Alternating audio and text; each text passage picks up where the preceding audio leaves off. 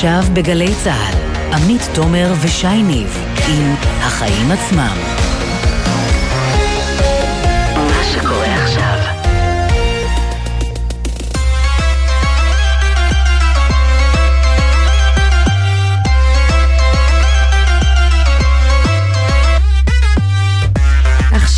שש ושלוש דקות, אתם על החיים עצמם, התוכנית הכלכלית-חברתית של גלי צה"ל. אני עמית תומר, ואיתי באולפן שי ניב. מה שלומך, שי? אהלן, אה, תשמעי, לא משהו, את יודעת, יום קטלני באתרי הבנייה, עם שתי תאונות עבודה ושלושה הרוגים, מוות אה, חלוטין מיותר, את יודעת, שניתן היה למנוע.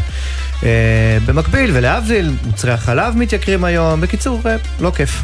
כן, אה, יש הרבה חדשות היום, אבל אנחנו נפתח את התוכנית הזאת עם הסיפור של היום הקטלני הזה באתרי הבנייה. נדבר עם אחד מקרובי המשפחה של אחד ההרוגים בתאונות הבנייה, ופי וואטד, וגם עם ראש זרוע העבודה, ונמשיך במעקב שלנו כדי להבין מתי, איך, למה אוכפים ועוצרים ומצמצמים את התופעה הזאת, כי זה לא קורה אה, מספיק אה, מהר. על התייקרות החלב נדבר עם שר החקלאות עודד פורר, וננסה להבין למה גם החלב מתייקר ולמה דווקא עכשיו. כן, ועוד עניינים היום בתוכנית, הריקול של מוצרי סנפרוסט, אחרי הממצאים, ממצאים זו מילה יפה לחלקיקי נחש, כן? ממצאים בעייתיים שנמצאו שם. גן החיות, ראש של עכבר, שבלול, מה שתרצה. כן, זה לקט. הפן הכלכלי של הידוק היחסים עם טורקיה, גם על זה נדבר, והחלטת בית המשפט שתחייב במיליוני שקלים את חצר הבבא סאלי. ונסיים עם קצת חדשות טובות, כי צריך גם קצת כאלה שמגיעות מהנגב ומהגליל, ונראה נתונים שמראים על עלייה בביקושים שם. זה לא רק חדשות טובות, זה על רקע אה, העליית מחירים המאוד חדה בכל אזורי הארץ, שדוחקת אנשים לפריפריה, אבל לפחות זה מפתח אה, אותה. כן. אז עוד מעט כל אלה, אבל קודם כל, מה הכותרת שלך, שי? טוב, הכותרת שלי עמית מגיעה מחברת הכנסת נעמה לזימי, מקום ראשון בפריימריז של מפלגת העבודה אחרי מיכאלי, שהצליחה לעצבן אותי בסוף השבוע הזה, וזה אגב לא היה קל, כי דווקא היינו בסוף שבוע רגוע בחיפה והיה לא רע. אבל אז היא צייצה בטוויטר שמשרד האוצר רוצה לפגוע באחד ההסדרים הכי חשובים לדבריה בהסכמים הקיבוציים של המורים, ולהביא לכך שהם כבר לא ירוויחו יותר בהתאם לגידול בוותק. עכשיו עזבי שזה לא נכון, כי גם במודל החדש שמציע האוצר, מורה ותיק עדיין ירוויח יותר. פשוט הוותיקים שמרוויחים יותר טוב יקבלו תוספות שכר נמוכות יותר מהצעירים שמרוויחים היום שכר מכפיל. מה שמעצבן פה זה שחברת הכנסת שמתיימרת להרים את הדגל הסוציאל דמוקרטי במפלגה שמתיימרת להיות סוציאל דמוקרטית לא יודעת שאחד המאפיינים הכי בולטים בהסכמים קיבוציים שנחתמים דווקא במדינות סוציאל דמוקרטיות כמו שוודיה, נורבגיה ודנמרק שם השכר ההתחלתי גבוה עם עלייה מתונה מאוד על בסיס ותק כשלפעמים אגב בוותק מסוים השכר אפילו נמוך יותר כדי לעודד העסקה של צעירים ולמנוע פיטורי מבוגרים כאן בישראל אימצו שיטה שמתגמלת אך ורק, אך ורק על בסיס הוותק, כזו שמקפיצה את השכר רק אחרי 20 ו-30 שנה, וזה רק שבגלל בגלל שפעם הייתה פנסיה תקציבית, וגובה הגמלה נקבע לפי גובה המשכורת האחרונה שלפני הפרישה, זה הכל. אז אין שום דבר חברתי או סוציאליסטי בשימור המודל הזה, רק הגנה אוטומטית על פרדיגמה ישנה. טוב, אני חושבת שראינו שמפלגת העבודה, אתה יודע, הולכת לכל מיני כיוונים. שנעמה לזימי יחסית כן מייצגת קו סוציאליסטי אה, בתוכו. מותר שיהיו לה דעות קצת אחרות גם, לא? אה, לא, לגמרי, אבל זה לא, אין שום דבר סוציאליסטי במה שהיא אמרה, זה בדיוק העניין. אה, סוצ, סוציאליזם אמור לדבר על, על איזשהו שוויון וכל מיני ערכים נעלים. אז אתה אומר, אל, אל תסתתרי מאחורי הסוציאליזם. בסך הכל גם זו מפלגה ששוב, היא מניפה את דגל הסוציאל דמוקרטיות, זה ממש לא המודל הזה. כן, אז הכותרת שלי ממש באותו עניין, כי לא רק נעמה לזימי מפקפקת במשרד האוצר ובצעדה, וגם בעומד בראשו שר האוצר אביגדור ליברמן, ראש הממשלה יאיר לפיד מחליט היום להיכנס למשבר בחינוך בעצמו, ועשרה ימים לפתיחת שנת הלימודים הוא מקיים היום פגישות אחד על אחד עם שר האוצר, שרת החינוך, יושבת ראש הסתדרות המורים ויושב ראש ועד ההורים. ככה הוא מנסה ליישב בין הצדדים שכרגע הגיעו לסוג של ברוגס, וזה קצת הזכיר לי אולי ברוח התכנים מורה וילדים קטנים שלא מסוגלים לשבת ולדבר אחד עם השני בלי להעלות את הטונים, אפילו לגדף, זה מה שראינו בישיבות המשא ומתן בימים האחרונים, ועכשיו צריך מישהו שיפשר ביניהם. אבל שר האוצר ליברמן זה מעצבן. והוא יוצא היום נגד לפיד ושרים נוספים בממשלה שצידדו אה, בעמדתו. לא זה מזכיר אה, קצת אה, אסוציאציות אחרות, הוא אומר אנחנו לא זקוקים לא למשקיפים ולא למשגיחי כשרות, אה, משגר עקיצה אה, נגד אה, יאיר אה, לפיד, ועם זאת, אני חייבת להגיד לך שי, הוא מודה, אכן יש פערים אמיתיים עקב גישות שונות ברמה העקרונית, הוותק מול המצוינות. אבל אני אומרת, בסופו של דבר, חברים, אנחנו עשרה ימים לפתיחת שנת הלימודים. הסכם עם המורים היה אמור להיחתם אי שם ב-2019, הוא נדחה בגלל הקורונה, הוא נדחה בגלל הבחירות. הוא לכם כל כך הרבה זמן ליישב את הפערים האלה, אם לא הצלחתם לעשות את זה עד עכשיו, אז אולי כדאי שעוד מישהו ייכנס לסיפור כן, הזה. כן, אגב, אני לא מבין את הביקורת הזאת. את יודעת, הוא היה שר ביטחון, הרי אה, ליברמן, מה, הוא היה מצפה שראש ממשלה לא יתערב בענייני ביטחון, לא יכנס ישיבות בעניין, זה מצחיק. אז גם בחינוך צריך שיהיה מי שיעשה את זה, זה בסדר. השאלה אם בתקופת בחירות הוא אומר צריך לתת יותר משקל לרמטכ"ל, כי הוא איש מקצוע והפוליטיקאים הם פוליטיקאים. לא בדקתי את זה בתחומי הביטחון. אולי נביא את זה לתוכנית הבאה. כן. נתחיל? יאללה.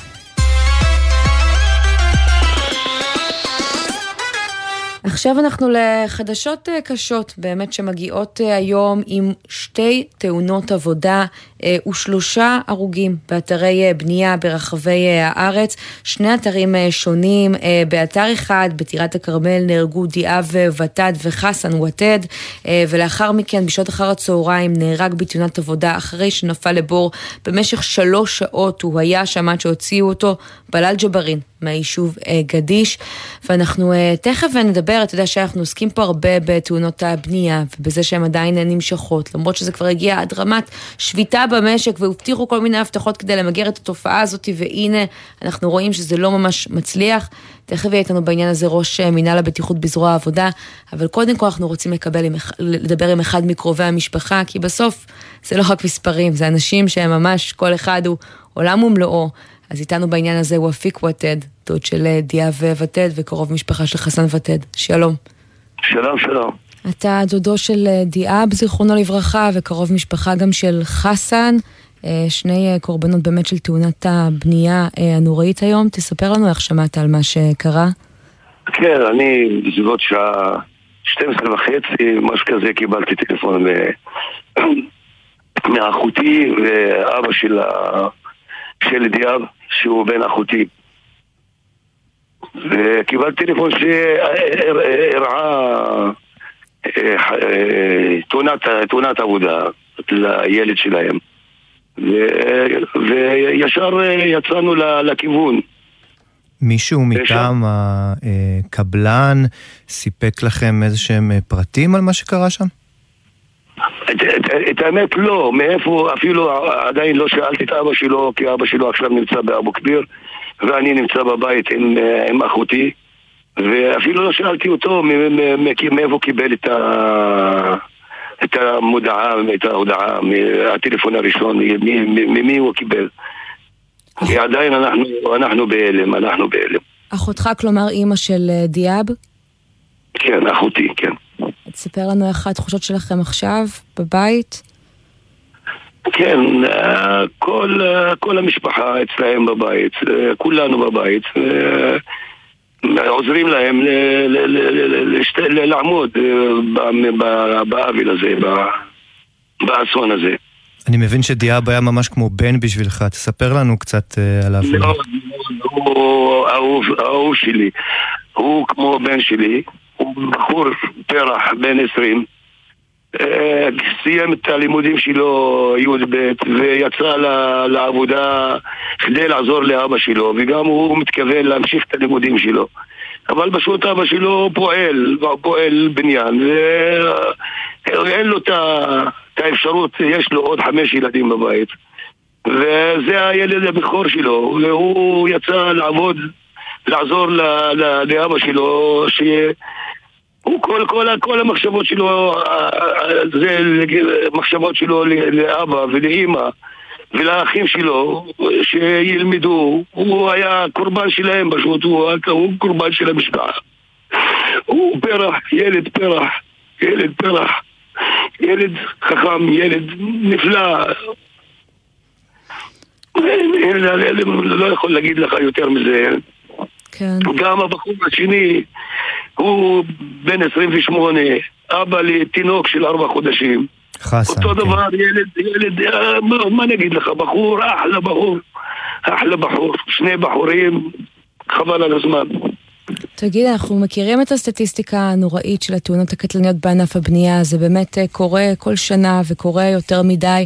זה משהו שהעסיק אתכם לפני, שדיברתם עליו, איזה חששות שאולי היו סביב הדבר הזה? שמענו, כל פעם אנחנו שומעים את זה, אבל את יודעת איך זה, לא חלמנו על זה, לא חלמנו, לא, לא חשבנו על שזה יקרה, שזה גם יגיע אלינו, אבל כנראה שזה יכול להגיע לכל אחד. אני לא מבין את הרשלנות הזאת, אני לא מבין את זה. אני לא מבין איך... איך, איך דברים כאלה קורים, למה, איפה, איפה משרד עבודה, איפה, למה בגובה כזה 12 קומות, איך, איך עובדים בלי, בלי, בלי בטיחות, איך, אני לא מבין את זה, איך זה קרה, אני עדיין אין לי פרטים איך זה קרה. העובדה שרוב ההרוגים בתאונות בניין אה, הם בני מיעוטים, הם פלסטינים מהגדה, עובדים זרים. זה, כן, זה גורם כן, ל... זה, אתה זה... חושב שזה גורם אולי ליותר זלזול, לחוסר אכפתיות? את האמת, לא רוצה להגיד את זה, אבל זה, זה, זה, מה, זה מה שנשמע לי, שיש זלזול בגלל, בגלל שכל העובדים הם ערבי, ערבי ישראל וערבים מהשטחים. זה, זה, זה נראה לי שזה ככה. למה הזלזול הזה? למה הזלזול הזה? אני לא יודע, אני לא יודע. אני לא מבין את זה. עכשיו אני דרככם, אני מבקש מכם, אני מתחנן. אנחנו, אנחנו אה, בבית פה, אה, אתה לא יודע מה המצב של אימא שלו וכל המשפחה, ועכשיו קיבלתי הודעה שבאבו כביר לא משחררים את הגופות רק למחר. אני לא יודע למה, למה כל העיכובים האלה. כן. אני דרככם מבקש, מתחנן, מתחנן, מתחנן לראש הממשלה, מתחנן לכולם, שישחררו את הגופות, שנוכל לקבור אותם, שנוכל לסיים את הטראומה הזאת שאנחנו נמצאים בה. בהחלט, אני בטוחה שמספיק אה, קשה לכם, גם ככה. הלב נקרע, הוא אפיק אה, וואטד, אה, שלא תדעו עוד כן. צער. תודה רבה לכם. המון תודה שהיית איתנו גם ברגעים הקשים האלה. תודה רבה, תודה רבה לכם, תודה רבה. ואיתנו עכשיו חזי שוורצמן, ראש מינהל הבטיחות בזרוע העבודה, שלום. שלום רב. אתה שומע את הדברים הבאמת קורעי לב האלו של משפחת אה, וואטד ששואל איפה משרד העבודה, איך עובדים בלי בטיחות? אתם הבטחתם לפני שנים רפורמת ענק, תכף נרד לפרטים שלה ולסעיפים ותסביר לי איזה גופים ואיזה משרדים אה, התמהמהו בכל סעיף, אבל כשמסתכלים על התמונה הכללית, מתחילת השנה הראו 16 תאונות קטלניות בבנייה. אתה לא מרגיש שיש פה איזה כישלון?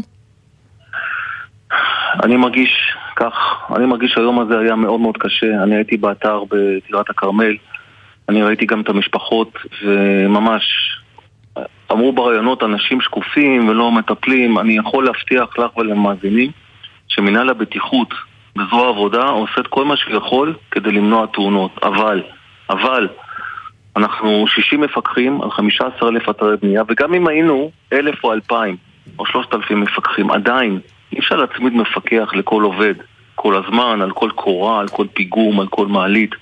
מה שקרה היום ייחקר. יש עכשיו אה, שישה מעורבים נמצאים בחקירה משטרתית, הרי כל תאונה הייתה יכולה להימנע. התהליך שם כנראה לא היה נכון, והוא ייבדק, והזמנו מהנדס מומחה, והכל ייבדק. רק נסביר, אנחנו מדברים על הזירה של אה, טירת הכרמל, כי לצערנו היום כבר שתיים.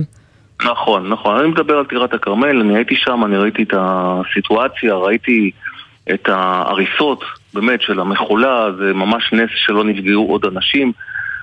בוא נדבר רגע, בוא נצא רגע. אבל האם יש משהו ברפורמה, נניח והיינו חיים בעולם מושלם, והכל היה מתקיים, והכל היה קורה, יש שם סעיף שאתה מסתכל ואומר, וואלה, אם הדבר הזה היה קורה, יש מצב שהאירוע הזה היה יכול להימנע?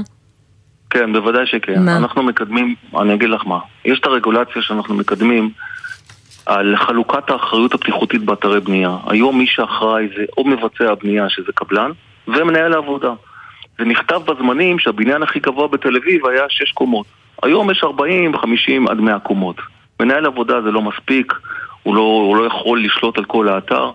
והגשנו רפורמה מהפכנית שאומרת שגם היזמים ומהנדסים מטעמם ומנהלי אתר, ושימי לב, גם קבלני משנה, כמו החברת מעליות היום, גם קבלן משנה יהיה אחראי לבטיחות של עובדיו. איפה זה עומד? כרגע רפור... הרפורמה נמצאת כרגע במשרד המשפטים, היא מקודמת, אנחנו שוב, בתקופתי, אני שנתיים וחצי במינהל. מקודמת כמה אני... זמן? כי זה היה בהסכם של 2018 כבר, מה שאתה מדבר עליו. אנחנו הגשנו את זה בתחילת 2021 למשרד המשפטים. שוב, אני, כל הזמן אני חווה תקופות של אין ממשלה, יש ממשלה. יש ועדות, אין ועדות. לא, אבל בסדר, אתה יודע, תראה. חייבים לקדם את הרפורמה הזאת. אתה אומר בצדק, חזי. תראה, אתה אומר כן. בצדק, אי אפשר להציב אה, מפקח אה, בכל אה, אתר בנייה, נכון. אנחנו מקבלים, מקבלים את זה כמובן, אבל, ולכן, ולכן הדברים צריכים להיות מבוססים על הרתעה. ועכשיו, אם אנחנו מדברים על רפורמה שיצאה לדרך, או הייתה אמורה לצאת לדרך כבר בשנת 2018, ואנחנו יודעים שפעם אחר פעם אתם, במשרד הכלכלה, בזרוע העבודה, דוחים פעם אחר פעם את היישום, לפחות של חלק מהסעיפים. דיברנו כאן בהרחבה בעבר, למשל על עניין הפיגומים, שהולכים יחד גם עם אה, סוגיה של אה, רתמות מיוחדות. וכל פעם אתם נותנים את ההנחות האלה לקבלנים ודוחים את זה. אז אתם יודעים, אם אתם מזייפים בסעיף אחד, אז הקבלנים מרשים לעצמם אולי לזייף בסעיפים אחרים. אוקיי, אז בואו תן לי לענות תמיד. אני שנתיים וחצי במינהל, כל הזמן מקדמים את הנושאים האלה. רפורמה, אמנם הוזכרה ב-2018, אבל היא הוגשה ב-2021 אחרי שיצאה להערות ציבור. זו רפורמה מהפכנית, לא הייתה כמוה מקום המדינה, כולל תקנות של עגורני צריח, כולל תקנות של עגורנאים. יש כמה חוקים שנמצאים. נושא של פיגומים הזכרת עמית. פיגומים, אלוהים אדירים, הרי, הרי, הרי זה נחקק בינואר 19 ועד לאמצע 2021 מכון התקנים אפילו לא אישר אחד, דגם אחד, זה לא במינהל הבטיחות בכלל, זה לא חונה. כן, אבל עברנו את זה, ומאז, וגם דיברנו על זה, ומאז אושרו כמה סוגים. אתה היית פה בשידור, אמרת לנו שבוע הבא זה מתחיל, ופתאום ברגע האחרון סגן שרת הכלכלה יאיר גולן החליט לדחות את זה לאוגוסט. למה? לא היו, לא היו מספר דגמים, לא היה, מכון התקנים לא אישר מספיק דגמים כדי שהמשק יצטייד באותם פיגומים, לא היה. אומרת, אי אפשר לאכוף דבר שלא נמצא בשטח. לא, תשמע, צריכים להעביר את העניין הזה. גם לפני, עוד לפני הרפורמה הזו, קבלנים שרצו להצטייד בפיגומים אה, אה, מתקן אירופאי, שזה פיגומים אה, לא מאולתרים, הרבה יותר אה, אה, בטיחותיים, עשו את זה, הם פשוט שילמו קצת יותר. ולכן כל מה שהיה צריך זה שאתם תכפו על הקבלנים להצטייד באותם פיגומים, ועד עכשיו לא עשיתם את זה. רגע, רגע, עמית, אבל שנייה, יש כאן משהו לוגי. נעשה רגע סדר, אני שי, עמית היא זו שלצידי. שי, סליחה. נתקדם, כן. כן, ינואר 19, המחוקק הישראלי בא ואמר, כל הפיגומים לפי תקן ישראלי. טוב מאוד, מעולה. לא היה, מכון התקנים לא השאיר פיגום עד אמצע 2021, אין מה לאכוף. לא אושר דבר, אין מה לאכוף. מה נאכוף? משהו שלא קיים? עכשיו, בראשון לאוגוסט 2022, לפני מספר שבועות, התחלנו לאכוף את נושא הפיגומים. כמה הפרות כבר תפסתם? מה זאת אומרת? כמה הפרות כבר מצאתם? התחלתם לאכוף. יש הפרות מדי יום, אנחנו נותנים צו שיפור לפי מדיניות אכיפה, כי עדיין יש מה זה צו שיפור? רק בוא נתעכב על זה, מה זה צו שיפור? צו שיפור זה ברגע שמפקח נתקל בפיגום שהוא לא תקני אבל בטיחותי, כן, שימו לב. כל פיגום שהוא לא בטיחותי, אנחנו ישר נותנים צו סגירה לפיגום, זאת אומרת הוא מפורק. אני מדבר על פיגום שהוא בטיחותי או רק לא לפי התקן. אנחנו נותנים 45 יום לאותו מבצע בנייה להחליף את הפיגום לפיגום תקני. זה המדיניות של המדינה. וזה לא עוד הנחה, צו, שיפ... צו שיפור הזה, עוד 45 ימים? כן, אבל הציגו לנו נתונים שאין מספיק מלאים במשק, אתה לא יכול להטיל גזרה. דרך אגב, בוא נדבר רגע על נתונים. אין קריסות של פיגומים, יש קריסות יש נפילות מגובה מפיגומים שלא הורכבו נכון, זה משהו כן. אחר. אנחנו כן רואים, אתה יודע, יש פה עוד סעיפים, העגורנים עדיין לא מעוגנים בחקיקה, חלק מהדברים עשיתם, אבל זה רק בגדר הנחיות לציבור. השתלמות בטיחות בסיסית, אני מניחה שזה יכול היה לעזור פה. עדיין אין, מדברים על זה מ-2016. עמית ושי, אני אומר את זה נכון, עמית ושי, משרד השיכון ב-2018, יש החלטת ממשלה להקים מכון ללימוד מקצועות הבנייה. רק שעדיין אין מכון. לא בוצע.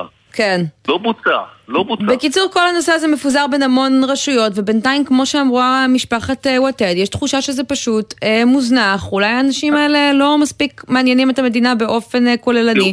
יש לי הרגשה שגם אתה כל... מסכים עם זה, אבל אני רוצה לשאול אותך לא, גם... לא, אני לא מסכים עם זה. לא okay. מסכים עם זה. אנחנו, אנחנו בשנתיים האחרונות עשינו רפורמה רצינית בפעילות המינהל.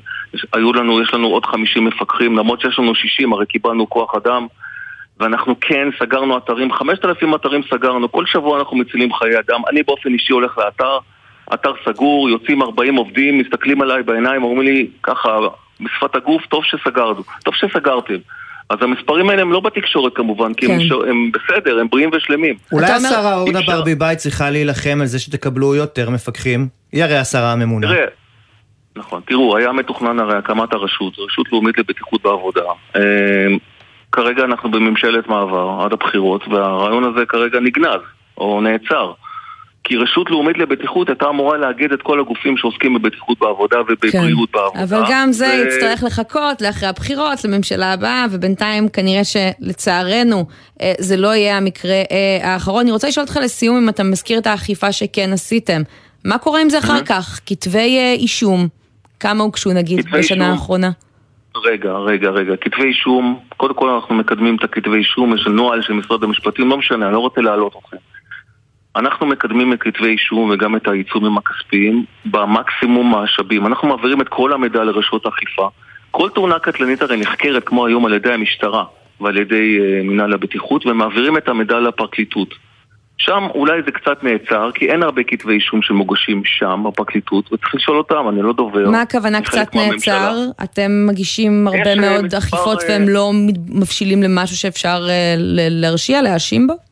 זה הרי נתקע שם? בממוצע, בממוצע, כן, סלחו לי על המספרים, בממוצע 40 קטלניות לשנה של אה, תאונות בנייה, 40 תיקים מועברים על ידי המשטרה לפרקליטות, אין מספר דומה של אה, פסקי, של פסקי דין בעקבות אותן תאונות קטלניות, נכון? יש אולי 6-7, 6-7 כתבי אה, אישום. הנושא הזה עלה לכנסת לפני חודשיים, Mm. הגיע המשנה לפרקליט המדינה, צריך להקדיש בפרקליטות המדינה יותר כוח אדם מקצועי, כי זאת ההרתעה האמיתית. הסמיכות של העונש לעבירה, לליכוד. אין גם עונשי מאסר. למנהלי החברות האלו בדרך כלל. עונשי המאסר מאוד נדירים בקטגוריה הזאת, מאוד מאוד נדירים, וגם זה צריך לשנות. כן. אם לוקחים חיי אדם בגלל רשלנות, מן הראוי שאותם אחראים ישבו בכלא, כי אחרת לא תהיה הרתעה, אני אומר לכם. חזי שוורצמן, כמה אסונות כאלה עוד נצטרך לסקר עד שמשהו יתחיל לזוז יותר מהר שם? אני חושבת שכולנו מקווים שזה יקרה בקרוב. תודה רבה שדיברת איתנו.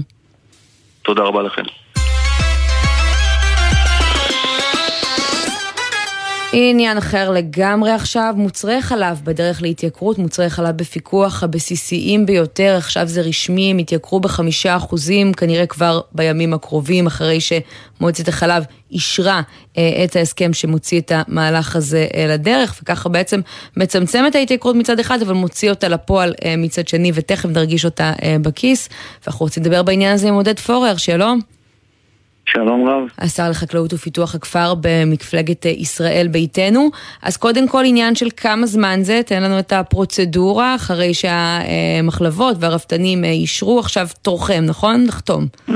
כן, עכשיו תראה, יש שני צווים בעצם שנצטרך אה, אה, לחתום עליהם. האחד מדבר על זה שבמקום שתהיה עלייה באמת מאוד מאוד גדולה, אז המחיר החלב אה, הגולמי יעלה ב-4.9 אחוזים, אה, ואז המחיר הזה יוקפא.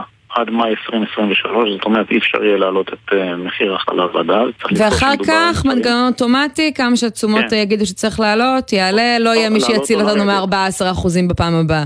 לעלות או לרדת, אגב זה לא כל כך מציל מ-14% כי צריך לזכור שבסופו של יום, ברגע שהמחיר הוא מחיר מפוקח, אה, אז המחירים האלה גם הופכים להיות היקרים ביותר וגם כולם כפופים בסוף לאותם צווי מחירים שוועדת המחירים אה, מבקשת.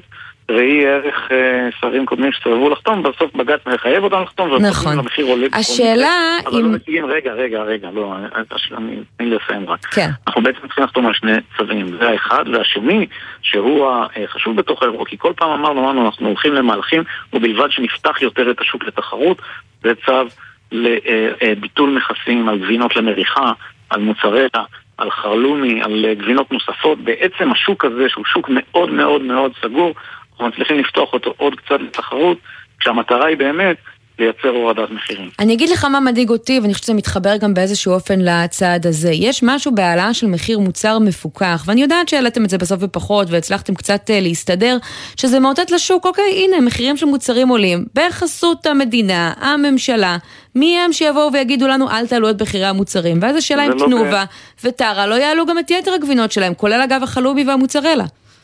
תראי, זה לא בחסות המדינה, זה בדיוק בפרמטרים שבהם המחירים הם מחירים מפוקחים. צריך לזכור שאם הרבה פעמים כשהמחיר המפוקח אה, אה, לא עולה, זה מהווה תירוץ להעלאת המחירים במוצרים הלא מפוקחים. הרי בסוף מישהו צריך לשלם את העלויות האלה. אם עלו מחירי התשומות, אז כמובן שיגיד לכם, אוקיי, אם אני מוכר מחיר מפוקח בהפסד, אני אמכור את, המחיר, את המוצרים האחרים ביוקר, כמו שקרה בענפים אחרים. אפשר לראות את זה בענפים שבהם לא עלה המחיר המפוקח בגלל בירוקרטיה, בסוף מה שקרה זה שהמוצרים האחרים עלו בהיקפים מאוד מאוד נרחבים. כאן גם הצלחנו לייצר מצב שבו במקום שנגיע למצב של עדכון מחירים של עשרות אחוזים, שהיה מחייב גם בסוף חתימה בין אם באמצעות בג"ץ או אמצעים אחרים, ניתנו מאוד את עליית המחירים והצלחנו לפתוח... אז אתה לא מעריך שבשבועות הקרובים נשמע את תנובה, טרה ואחרות באות ואומרות, הנה אין לנו ברירה, ראיתם מה קרה במפוקחים, חייבים להעלות את המחירים של לא, המוצרים שלנו. אני חושב שלא, אני חושב שאם המחיר המפוקח לא יעלה, כנראה שהיינו רואים את זה באמת במוצרים אחרים, אבל אני יכול לומר באופן הברור ביותר. הדרך הטובה ביותר לפקח על המחירים היא תחרות. ככל שיש יותר תחרות, הפיקוח הוא הרבה יותר טוב. תמיד כשהמדינה היא זאת שקובעת את המחיר, אז המנגנונים שהמדינה קובעת מאוד מאוד טובים למי שמייצר. תמיד הם לוקחים את הערכים הגבוהים ביותר, תמיד הם מייצרים מנגנונים שהם מנגנונים יקרים יותר. כשהשוק פתוח, השוק עושה את העבודה הטובה ביותר. ומה תעשו אם אחרי פתיחת השוק הזאת, כמו שראינו למשל בסיפור של הריהוט אה, ואיקאה, אה, כן יעלו המחירים, החברות הישראליות יעלו את המחירים שלהן? אני יכול לומר שכשאני מסתכל לאורך זמן על שווקים שנפתחו, אני רואה את המחירים יורדים ואת המבחר עולה. את יכולה לראות מה קרה בענף הטקסטיל ב-20 שנים האחרונות ולמחירי הביגוד, ולהבדיל, במקומות אחרים שהשוק סגור, את המחירים יורדים. אז אה, מחירים, סליחה, אה, עולים. עכשיו, המטרה היא בסוף לייצר שוק משוכלל, שוק פתוח, שוק תחרותי, עם מגוון רחב, בלי מחסור, ומחיר שהוא מחיר תחרותי ומחיר נמוך. זה מה שאנחנו גם נעשה עם ביטול המכסים. בסוף הגבינות האלה, או היוגורטים שכבר פתחנו אותם לתחרות ונכנסו לכאן בפטור ממכס, אם אני מוריד את המכס על גבינות למריחה, על מוצרי ועל חלומי, אנחנו נראה את המחירים שם בהחלט יורדים ואת השוק לאט לאט מתאזן. הזכרתם קודם את המנגנון האוטומטי שייכנס לתוקף ממאי 2023. אה, אה, זה נדמה לי קצת כמו סידור די נוח אה, לא רק למחלבות, אלא בעיקר לפוליטיקאים שכבר לא יצטרכו להתמודד עם הלחץ הזה שמופעל עליהם כל פעם מחדש, לא? לא, זה, זה, תקשיב, אין לחץ פה על פוליטיקאים, האבסורד הוא שהחוק הוא כל כך אה, אה, סגור שהוא בעצם מחייב את הפוליטיקאי לחתום על משהו זה לא שבאמת עכשיו אני יכול לבוא ולהגיד לא בא לי להעלות את המחיר אז אני לא מעלה את המחיר כי אני לא רוצה שהוא יקרה. כן, זה קרה איזה חמישה חודשים עכשיו. אבל זה קורה כל הזמן, הרי כבר לפני חודשיים דובר על אותה עלייה ובסוף זה לא קרה, בדיוק בגלל הלחץ הזה. לא, זה לא קרה כי ביקשו עוד לנסות ולפתוח עוד משהו, ואגב, לבקשתם גם המחיר אפילו לא עלה בחודשיים האלה, את ההסכם הזה אנחנו חתמנו באמת כבר לפני כמעט חודשיים. בסופו של יום, כשיש מחיר מפוקח, המחיר המפוקח צריך לעלות. עכשיו השאלה היא, אם זה מתבצע תוך כדי הרבה מאוד אה, אה, בירוקרטיה מסביב, או שאתה אומר, אני מייצר מנגנון שבו כשהמחיר גם צריך לרדת, הוא יורד באופן אוטומטי, ואני הופך את המנגנון הזה למקצועי, ומצד שני, אני מוריד את מספר המוצרים ואת מספר הכלים שבהם מפקחים. מדינה שמפקחת על מחירים, מדינה שמנהלת את השוק, במש...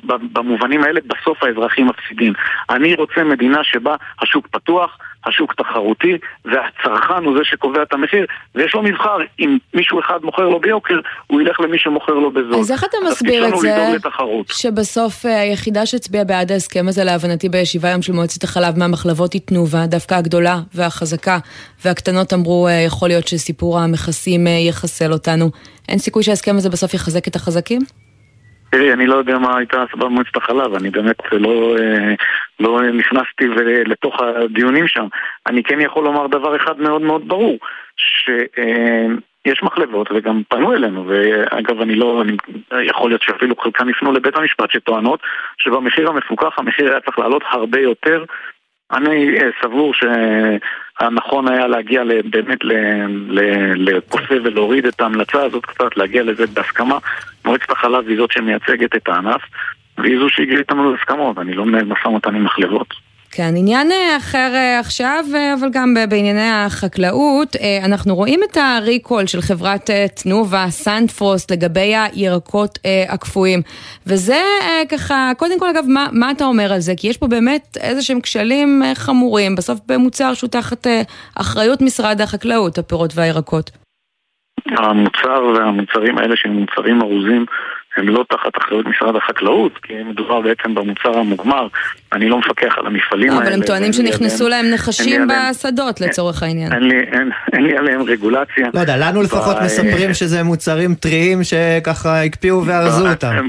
בסדר, אבל מרגע שהמוצר נארז ועובר את התהליך הזה, בעצם המפעלים האלה הם מפעלים שהם מפעלים שמי שמטפל בהם, הוא צריך לטפל בהם במשרד הכלכלה, אבל זה לא משנה את העובדה שבכל מקום כזה צריך להיות QA, מה שנקרא בקרת איכות, ומה שהייתי מצפה, ופה אני חושב שעוד דוגמה לכמה חשוב שיהיה שוק פתוח. אם יש חברה שאת כצרכנית חושבת שלא נכון, אה, שלא נוהגת נכון אל מול הצרכנים שלה בבקרת האיכות ומזלזלת אולי בבריאות שלהם, את כצרכנית תוכלי לבחור מחברות נכון, אחרות. נכון, ושוק הירקות הקפואים והפירות, וזה, ב... אגב, כן.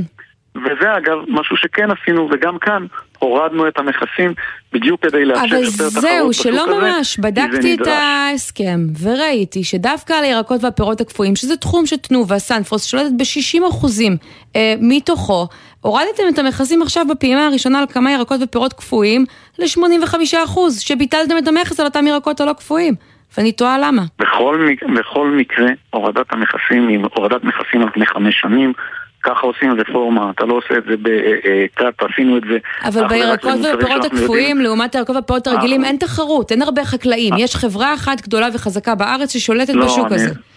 יש, יש עדיין חקלאים שמוכרים לחברה הזאת את הירקות, ולכן התהליך הוא תהליך שנעשה על פני חמש שנים.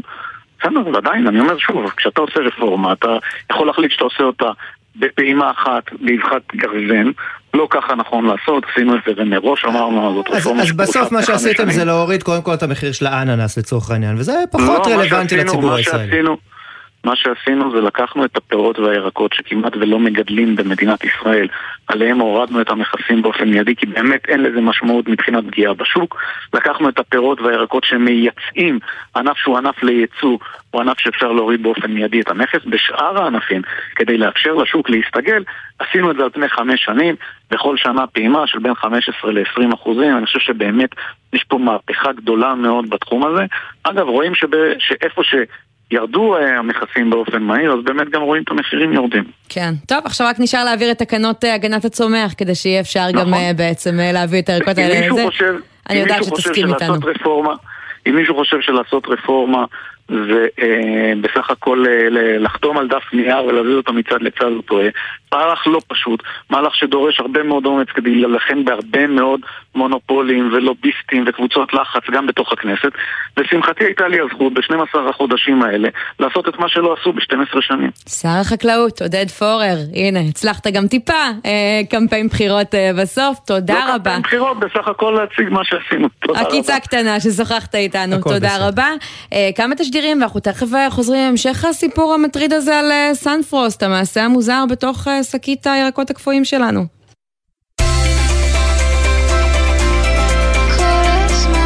גלי צה"ל, יותר מ-70 שנות שידור ציבורי.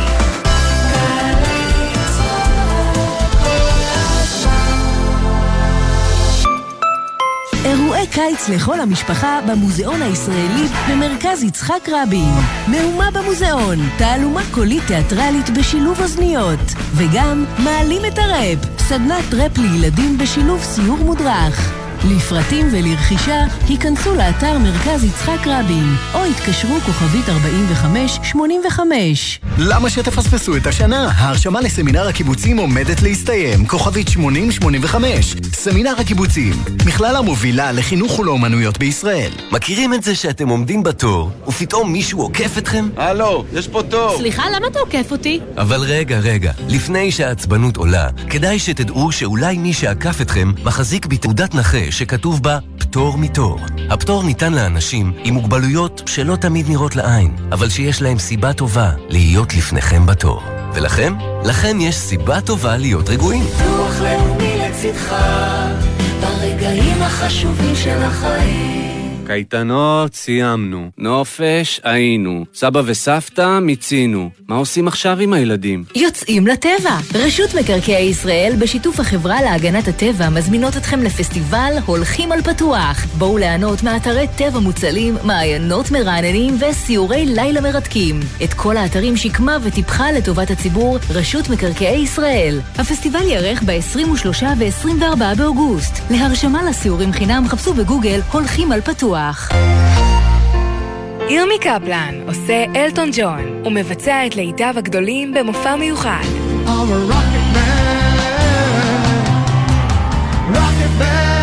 חמישי, עשר בלילה, זאפה הרצליה, ובקרוב בגלי צה"ל.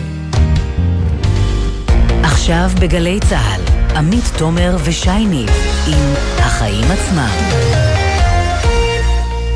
חזרנו ואנחנו עם מירב קריסטל, שלום. היי, שלום, שלום. כתבת הצרכנות של ידיעות אחרונות אה, ו-ynet, אה, ואנחנו רוצים לדבר איתך על ה recall של מוצרי אה, סנפרוסט.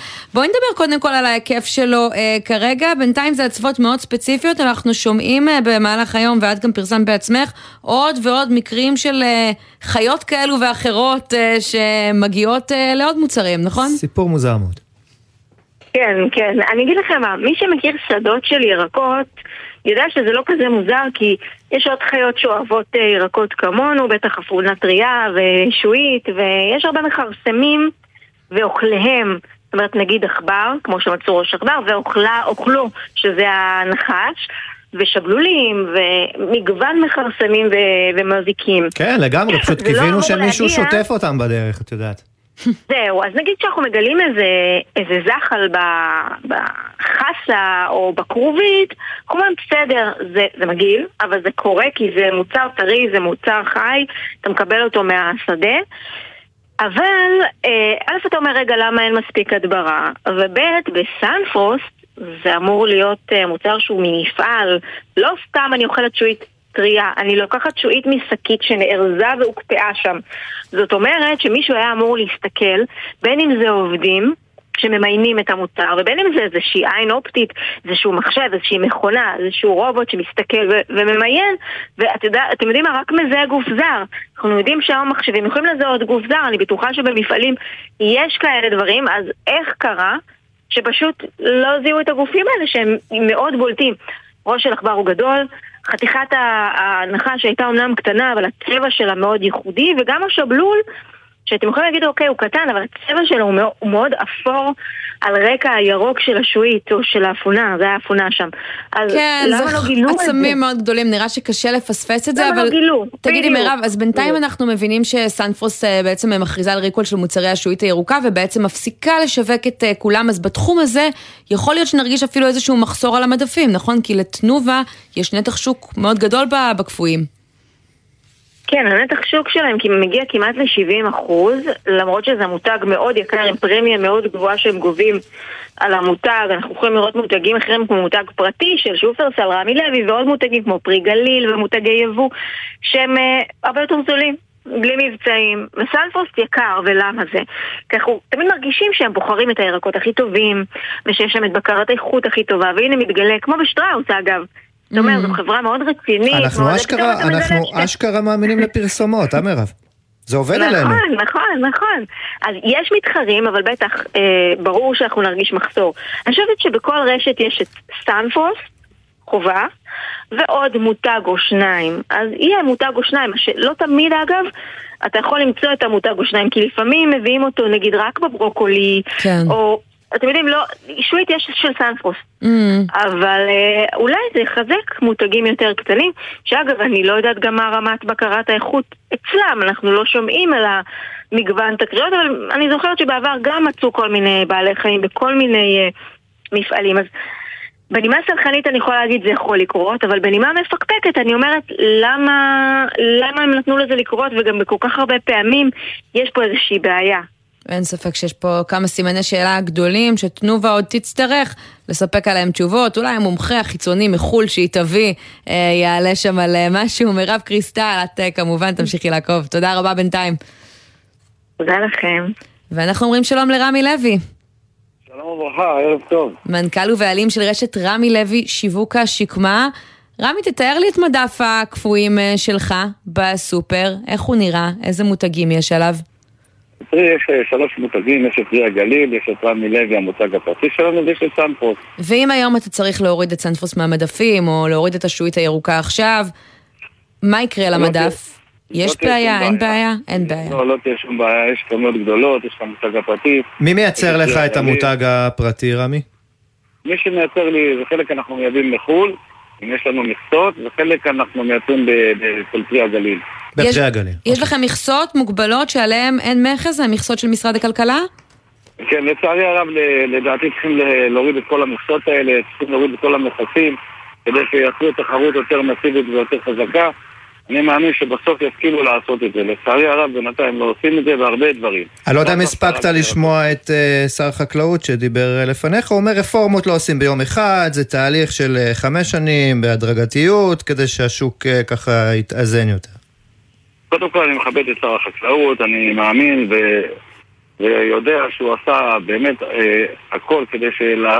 להעביר רפורמה, אבל זה לא כל כך קל, ברגע שמעורבת גם פוליטיקה פה בעניין, זה קשה, ואנחנו יודעים שזה קשה בקטע של הרפורמה, של כל מה שקשור בחקלאות. אתה חושב שלזה שהם בעצם לא הורידו עכשיו כבר בפעימה הראשונה את אה, המכס על ירקות הקפואים, אנחנו רואים הפחתה מאוד נקודתית על מוצרים אה, מסוימים, לא אה, ביטול, זה קורה בגלל בעצם איזה שהם לחצים של חברות מזון, כי בסוף אלו גם המוצרים שהכי קל להביא, יש להם תוקף של שנים. בואי, זה לא סוד של הלא, יש לובי חזק מאוד לחקלאות. ואני אומר שצריכים לחזק את החקלאות במדינת ישראל, ומי שצריך לחזק את זה זה המדינה, ולא הצרכן. לצערי הרב, תמיד, בדרך כלל מי, ש, מי שמחזק את הדבר הזה ומממן את זה, זה דווקא הצרכן במדינת ישראל. אז גובים מכסים כאילו כדי לשמור על החקלאי, ומצד שני המדינה מרוויחה, ומצד שלישי המחירים גבוהים. צריכים להוריד את המכסים, לבטל את המכסים, ולדאוג שבאמת החקלאים במדינת ישראל, אם צריכים לקבל סבסוד שיקבלו מהמדינה, שלא, ושזה לא יבוא על חשבון ואם אני מסתכלת על הריקול הזה ספציפית, מה אתה חושב על ההתנהלות של אה, תנובה? כי בסוף אתה זה שמוכר את המוצרים שלהם, גם אה, אתה חוליה בשרשרת שיש לה אחריות כלפי הצרכנים שלו, הלקוחות שלו, ובסופו של דבר, אתה יודע, תנובה לא רק אה, מה שנקרא עשתה טעות עם החיות האלה שיש במוצרים שלה, זה נשמע שהיא ממש לא דיווחה על זה ללקוחות בזמן כדי שלא יצרכו את המוצרים האלה. תראי, בואי אני אגיד לך. קודם כל מדובר בדבר- בדברים שגדלים באדמה וזה חקלאות, וזה יכול לקרות. לדעתי מה שצריכים לעשות אה, כל המפעלים בארץ, אולי לחזק את כל מה שקשור לטכנולוגיה כדי באמת, שתהיה עוד עין שתבדוק את זה. בסוף זה חקלאות, וזה יכול לקרות, לדעתי זה יכול לקרות. זה קרה במוצרים שלכם? גם בעבר? לא, זה לא קרה במוצרים שלנו, אבל זה יכול לקרות כל עוד שזה קשור לחקלאות, הכל גדל באדמה.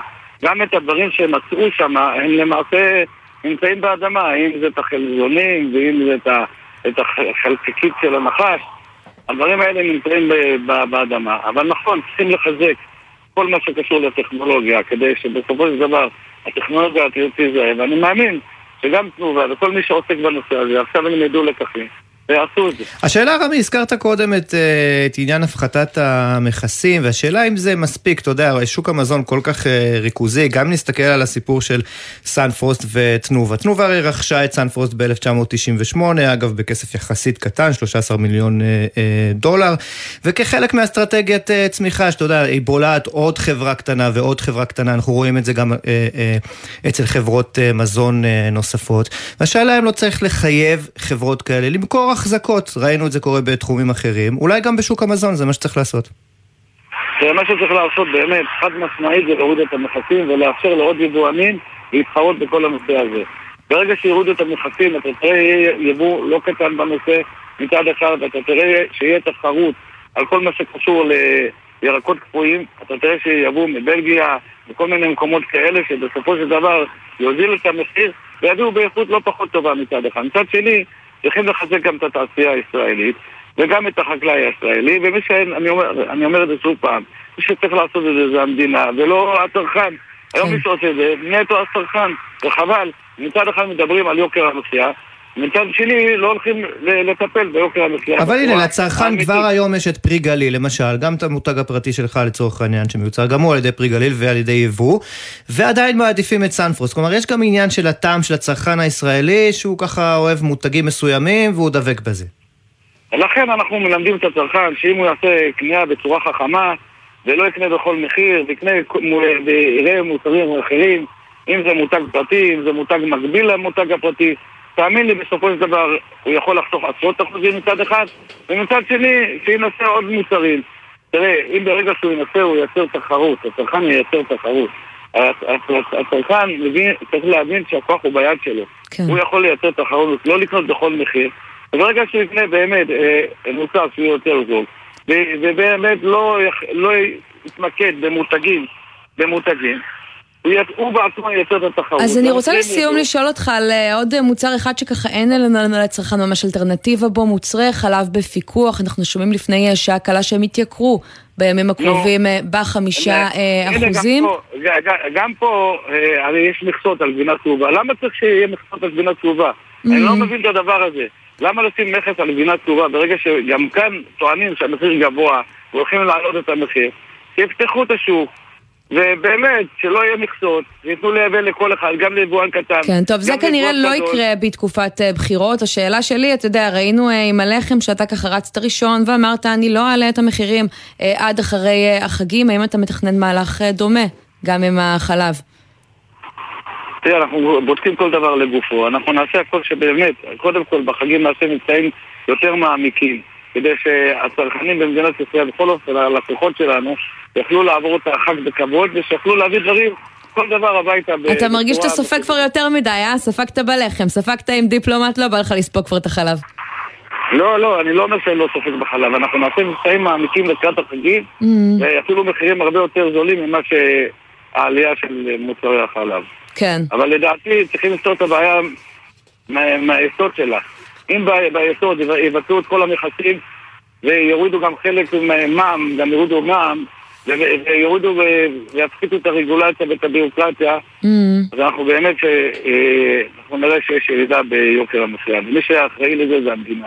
רמי לוי, מנכ"ל ובעלים רמי לוי שיווק השקמה, תודה רבה שדיברת איתנו. תודה רבה לכם ולכל המאזינים. ועכשיו אנחנו להתחממות היחסים עם טורקיה. בסוף השבוע ישראל וטורקיה מודיעות שהם יחזירו את השגרירים, כל אחת למדינה של השנייה.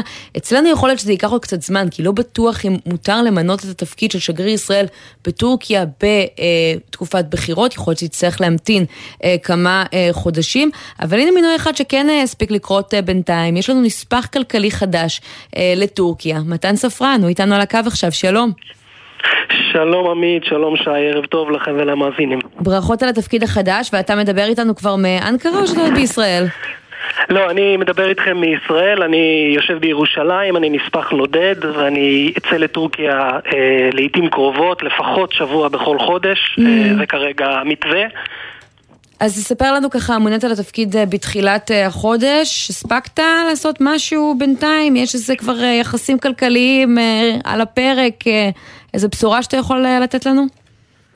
תראי, קודם כל אה, ביקרתי בטורקיה, חזרתי מביקור אה, עבודה ראשון אה, לפני עשרה ימים, ואני חייב לה- להגיד שזה היה מאוד מאוד מרגש. הייתי שני לילות באנקרה ושני לילות באיסטנבול עם ימי עבודה מלאים בפגישות, גם גורמים מדינתיים רשמיים, גם ארגוני סחר וגם גורמים פרטיים. אבל מה מעניין אותם בישראל ספציפית? חוץ מזה שעכשיו אנחנו סבבה ואפשר לייצא ולייבא אחד מהשני, במה הם מזהים פוטנציאל ש... שאולי ככה יכול להגדיל את הייצוא עכשיו בעקבות התחממות היחסים? תראי, אה, ישראל תמיד הייתה שותפת סחר מאוד חשובה לטורקיה. אנחנו אה, מייבאים מטורקיה בהיקפים אה, מאוד מאוד גדולים, וב-2021 ה- היבוא הזה צמח לשיא של 5.7 מיליארד דולר. אגב, מייצאים הרבה פחות, אני חושבת שבערך חצי מזה, אולי נכ- אפילו נכון פחות. מאוד, נכון מאוד, אפילו שליש מזה אנחנו מייצאים, וזה בעצם אחת המשימות שאני רואה לפניי, גם להגדיל וגם לגוון את הייצוא לטורקיה, זאת מעצמה מאוד מאוד חשובה, אה, מה הם רואים בישראל, אז הם... רואים את כל ההתפתחויות האזוריות והם רואים את כל ההתפתחויות הטכנולוגיות בישראל וטורקיה רוצה להיות אה, חלק מזה ורוצה להיעזר בטכנולוגיות הישראליות ולהדק את היחסים עם ישראל כדי לשפר את מעמדה וגם את הייצוא והיבוא בין המדינות. אז במה הם מתעניינים ככה, לפחות אה, לאחרונה, תספר לנו?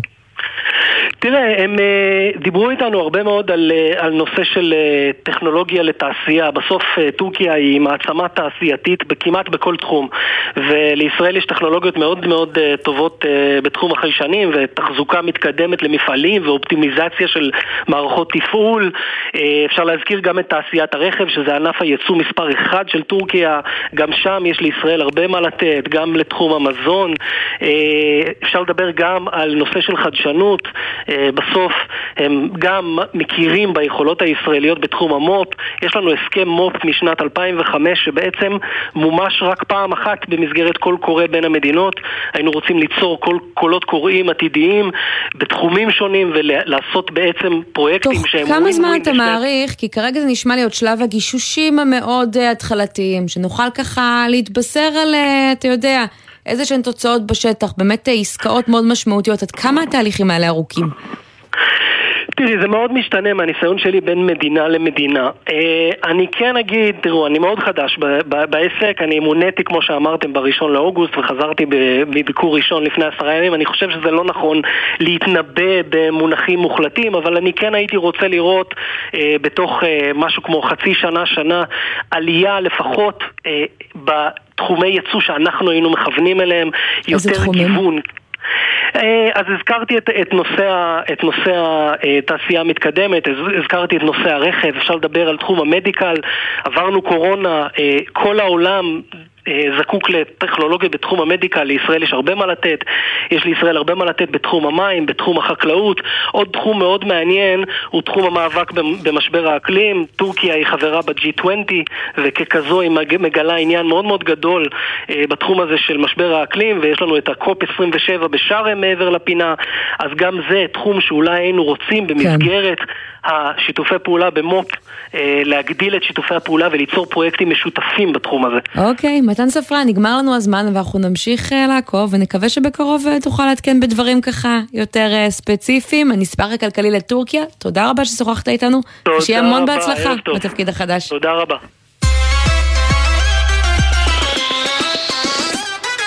ומסיימים עם ידיעה אה, משעשעת, תלוי, אולי אה, אה, תלוי את פחות, מי שואלים, כן, משעשעת. לחצר הבבא סאלי, אה, שתחויב עכשיו במס. הכנסה במיליוני שקלים. ואיתנו בעניין הזה אנה פינס, כתבתנו בתל אביב, שלום.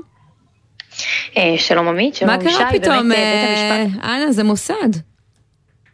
אה, נכון, אה, באמת אה, משפחת אבוחצירא, הרב הבבא ברוך, מה שנקרא הבן של הבבא סאלי, והבן שלו, הנכד, הגישו איזשהו ערעור לבית המשפט המחוזי בתל אביב, אחרי שפקיד שומה בעצם הורה להם לשלם מס הכנסה על כל ההכנסות שהם מקבלים מהילולות ואירועים וכל מיני כאלה קבלות קהל כאלה ואחרות.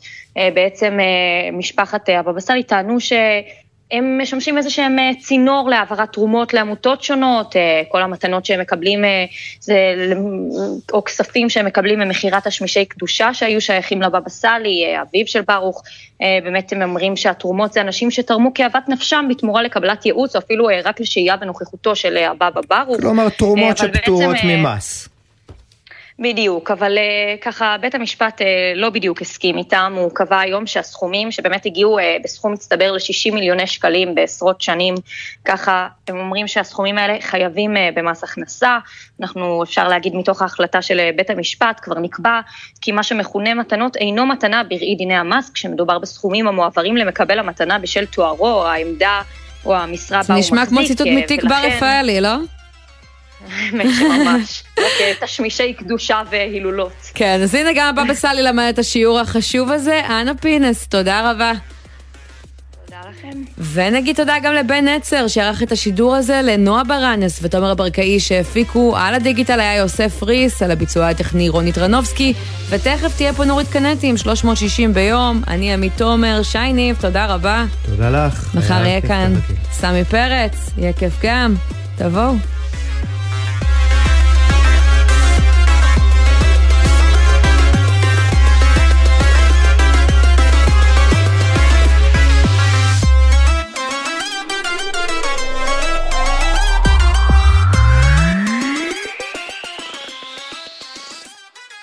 בחסות מחסני חשמל, המציינת יום הולדת, ומציעה מגוון מבצעים והנחות על עודפי מלאי.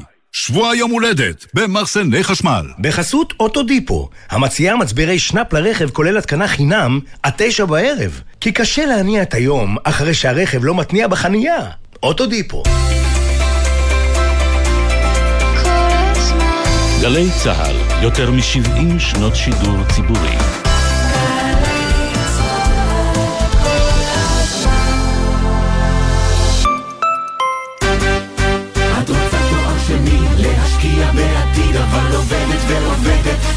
מפחיד אולי הגיע הזמן שנעצור כי די, כמה אפשר לבחור? למה לבחור בין לימודים לקריירה? האוניברסיטה הפתוחה מציעה תואר שני המשתלב במסלול החיים. הגשת המועמדות בעיצומה, כוכבית 3500. אז כבר עשיתם את שלכם והצעתם לגמלאות, וזה זמן נפלא ליהנות מרגע של נחת.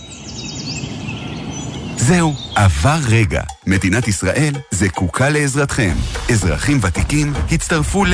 באים לטוב, המערך הלאומי להתנדבות ותיקים של המשרד לשוויון חברתי, ותרמו למען החברה בישראל. חייגו כוכבית 8840. חם לכם בחוץ? מרכז מהותי מזמין אתכם להיכנס פנימה ולהתבונן. מהותי, מרכז עם מגוון פעילויות להורים ולילדים. לפרטים והרשמה חפשו מהותי בגוגל. מהותי, פעילות עם מהות. את חולמת להיות מהנדסת? אתה חולם להיות מהנדס? עדיין לא מאוחר להירשם ללימודי הנדסה בעזריאלי, מכללה אקדמית להנדסה בירושלים. לפרטים כוכבי 9087. עזריאלי, מכללה אקדמית להנדסה, ירושלים. עמיתי מועדון חבר ובני משפחותיכם, אנו מזמינים אתכם להכיר את כרמי הפארק, רובע המגורים מחדש של חברת אפיק הירדן בקריית גת, המשלב טבע עירוני, מוסדות חינוך חדשים ונגישות תחבורתית נוחה. עכשיו במחירים בלעדיים למענכם. לפרטים כוכבית 2503 או באתר מועדון חבר. חבר זה הכל בשבילך, חבר. כפוף לתקנון המבצע. האם משוטטים חדי קרן בנגב? מה מחפש כוח אפור בבור? ומי מנצח בהיתקלות בין שועל לחבורת שפני סלע? גלי צה"ל ורשות הטבע והגנים מכניסות אתכם לסבך המקומי בעונה חדשה של הסכת ארץ ישראלי מצוי לאוהבי חיות, טבע ובני אדם.